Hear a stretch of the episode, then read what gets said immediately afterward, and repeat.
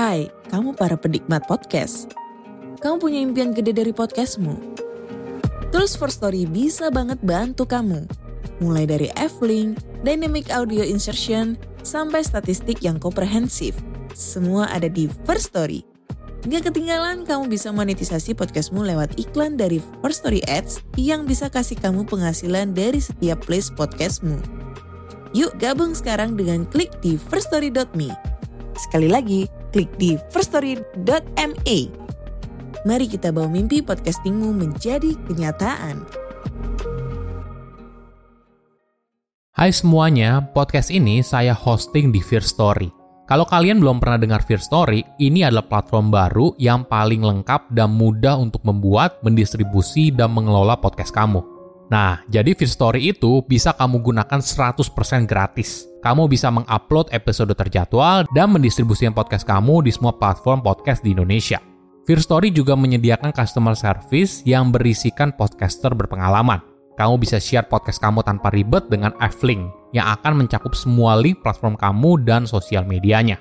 Dengan Fear Story Ads, kamu bisa mengakses monetisasi yang mudah dan beneran bisa kamu cairin tanpa biaya tambahan gak pakai repot. Jadi tunggu apa lagi? Yuk maksimalkan podcast kamu dengan platform hosting dari Fear Story. Daftar sekarang di fearstory.me dan buat podcastmu jadi kenyataan.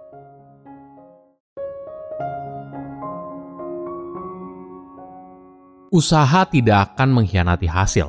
Apakah benar? Kita sering kali percaya kalau mau sukses maka kita harus kerja keras. Bagaimana bila seseorang sukses tanpa harus bersusah payah? Halo semuanya, nama saya Michael. Selamat datang di channel saya, Sikutu Buku. Kali ini saya akan bahas mana yang lebih penting, usaha atau hasil. Ini merupakan rangkuman dari video TED Talk Azim Zarif yang berjudul Does Working Hard Really Make You a Good Person dan diolah dari berbagai sumber. Coba bayangkan skenario ini. Si A yang kerja satu jam tapi hasilnya bagus, atau si B yang kerja tiga jam tapi hasilnya biasa aja. Mungkin kita bisa menjawab kalau memilih si A, tapi kenyataannya mayoritas kita justru memilih si B kita menganggap si B merupakan orang yang bekerja keras dan berdedikasi. Padahal kita lupa yang jauh lebih penting adalah hasilnya. Tidak jarang perusahaan kadang terlalu sibuk memaksa karyawan untuk masuk tepat waktu daripada fokus mencapai target perusahaan. Sebelum kita mulai, buat kalian yang mau support channel ini agar terus berkarya, caranya gampang banget. Kalian cukup klik subscribe dan nyalakan loncengnya. Dukungan kalian membantu banget supaya kita bisa rutin posting dan bersama-sama belajar di channel ini.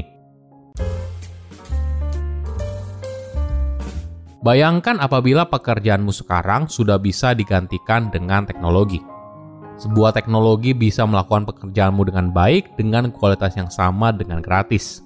Tapi beruntungnya, kamu masih terikat kontrak selama 3 tahun.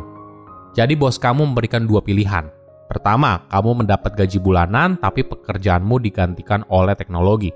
Sedangkan opsi kedua, kamu terus bekerja di kantor untuk pekerjaan yang bisa digantikan oleh teknologi. Mana yang kamu pilih? Mungkin mayoritas orang mengambil opsi pertama, di mana kamu bisa santai di rumah tapi tetap mendapat gaji bulanan. Tapi tentu saja ada sebagian kecil orang yang mengambil opsi kedua. Ini merupakan skenario dari studi kasus sebuah riset Setengah dari responden mendapatkan cerita kalau si pemeran utama memilih opsi pertama di mana dia pulang dan tetap mendapat gaji bulanan. Sedangkan setengah responden kedua mendapatkan cerita kalau si pemeran utama memilih opsi kedua, di mana dia tetap bekerja walaupun pekerjaannya sudah bisa digantikan oleh teknologi. Peneliti lalu bertanya kepada para responden, apa yang mereka pikirkan tentang si pemeran utama? Responden yang mendapatkan cerita kalau si pemeran utama masih tetap bekerja menganggap dia sebagai orang yang kurang kompeten. Tapi di sisi lain, dia dianggap sebagai orang yang baik dan bisa dipercaya.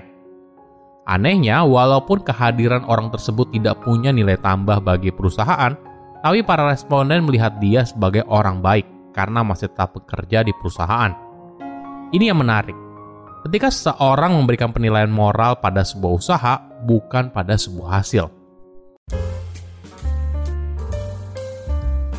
Di studi lain, peneliti bertanya kepada para responden tentang dua pembuat komponen elektronik. Dua orang itu membuat komponen elektronik yang sama dengan durasi dan kualitas yang sama. Tapi salah satu dari mereka membutuhkan waktu yang lebih lama dengan hasil yang sama. Para responden melihat si pembuat komponen elektronik yang butuh waktu lama dianggap sebagai pekerja keras, tapi tidak kompeten. Ketika mereka diminta untuk memilih siapa yang paling potensial untuk jadi mitra bisnis, mayoritas memilih si pekerja keras. Hasil riset ini tidak mengagetkan kita sering kali menyalahartikan orang yang bekerja lembur sebagai pekerja yang baik. Kita menilai seorang dari berapa jam yang dihabiskan dalam bekerja, bukan dari berapa banyak hasil yang diperoleh. Pekerja keras sering kali dianggap sebagai kualitas yang baik, mitra bisnis yang ideal, walaupun mungkin saja tidak memberikan nilai tambah. Fenomena ini dikenal sebagai effort moralization, sebuah tendensi yang mengaitkan nilai sebuah usaha dengan usaha yang dicurahkan untuk mencapainya. Effort moralization sering kali muncul di lingkungan atau budaya yang menekankan pada kerja keras, kegigihan, dan kepercayaan kalau sukses harus diraih dengan usaha yang keras. Dalam kehidupan sehari-hari, effort moralization sering kali muncul dalam berbagai konteks. Misalnya begini, ada dua siswa bernama Alex dan Ben sedang mengerjakan sebuah tugas matematika. Alex pada dasarnya merupakan anak yang berbakat dalam matematika dan mampu mengerjakan tugas tersebut dengan mudah. Dengan sedikit usaha, Alex berhasil menjawab semua soal dan mendapat nilai yang tinggi. Di sisi lain, Ben mengalami kesulitan saat mengerjakan tugas tersebut. Dia berusaha keras, menghabiskan waktu lebih banyak untuk belajar, dan juga tidak sungkan untuk meminta bantuan dari guru. Akhirnya, Ben berhasil mengerjakan tugas tersebut, tapi nilainya lebih rendah dari Alex. Dalam situasi itu, effort moralization mungkin membuat persepsi seorang kalau nilai band yang lebih rendah tidak masalah jika dibandingkan dengan usaha dan kerja keras yang sudah dicurahkan. Inilah yang membuat seseorang mencapai hal besar tanpa usaha keras dipandang sebelah mata. Padahal kita lupa perhitungkan pengalaman, bakat, dan keahlian seorang. Sama halnya ketika kamu membayar jasa tukang untuk memperbaiki perabot yang rusak Ketika tukang tersebut hanya bekerja 5 menit dan langsung beres, kamu menganggap kalau jasa yang ditawarkan terlalu mahal. Kamu berharap tukang itu mengerjakan seharian dan terlihat kerja kerasnya.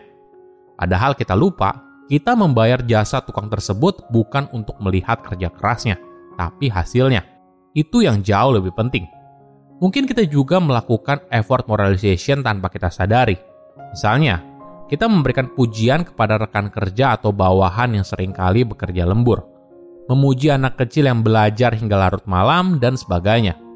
Perilaku ini yang tanpa kita sadari membuat kita lebih memilih usaha daripada hasil.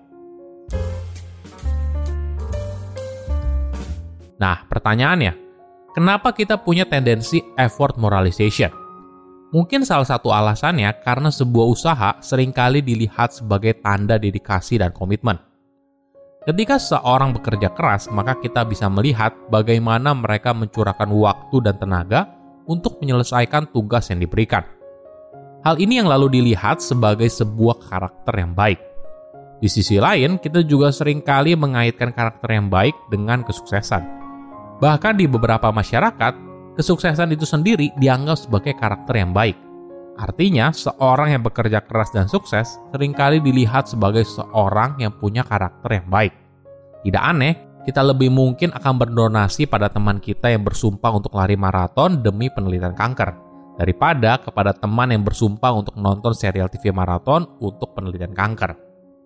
Di sisi lain, masyarakat yang agung-agungkan usaha daripada hasil bisa berbahaya Berapa banyak orang yang dengan bangga pamer kalau dirinya lembur atau bekerja ketika cuti? Jika ini terjadi, jika ini terjadi terus-menerus, maka mungkin saja kita akan berakhir dalam kondisi masyarakat yang burnout. Ada sebuah kisah yang menarik. Di era kolonial Inggris di India, ada sebuah masalah besar. Pada masa itu, ular kobra merajalela di kota New Delhi Kondisi ini membuat pemerintah putus asa dan menggelar hadiah bagi setiap kulit ular kobra yang berhasil dibawa. Sayangnya, rencana ini justru memperburuk situasi. Orang India mulai beternak ular kobra, lalu kemudian dibunuh dan membawa kulitnya ke kantor pemerintah untuk mendapatkan hadiah. Kacaunya, ketika pemerintah memutuskan untuk menghentikan pemberian hadiah, peternak ular lalu melepas semua ular kobra ke kota dan masalah ular malah menjadi lebih buruk dari sebelumnya. Masalah ini muncul karena kita fokus pada hal yang salah. Pemerintah ingin jumlah kobra yang lebih sedikit, tapi mereka memberikan sinyal yang kurang lengkap, yaitu ular kobra yang mati. Ini yang terjadi ketika kita mengagung-agungkan kerja keras. Kita lupa yang jauh lebih penting adalah memberikan hasil yang bermakna. Silahkan komen di kolom komentar pelajaran apa yang kalian dapat ketika tahu informasi ini.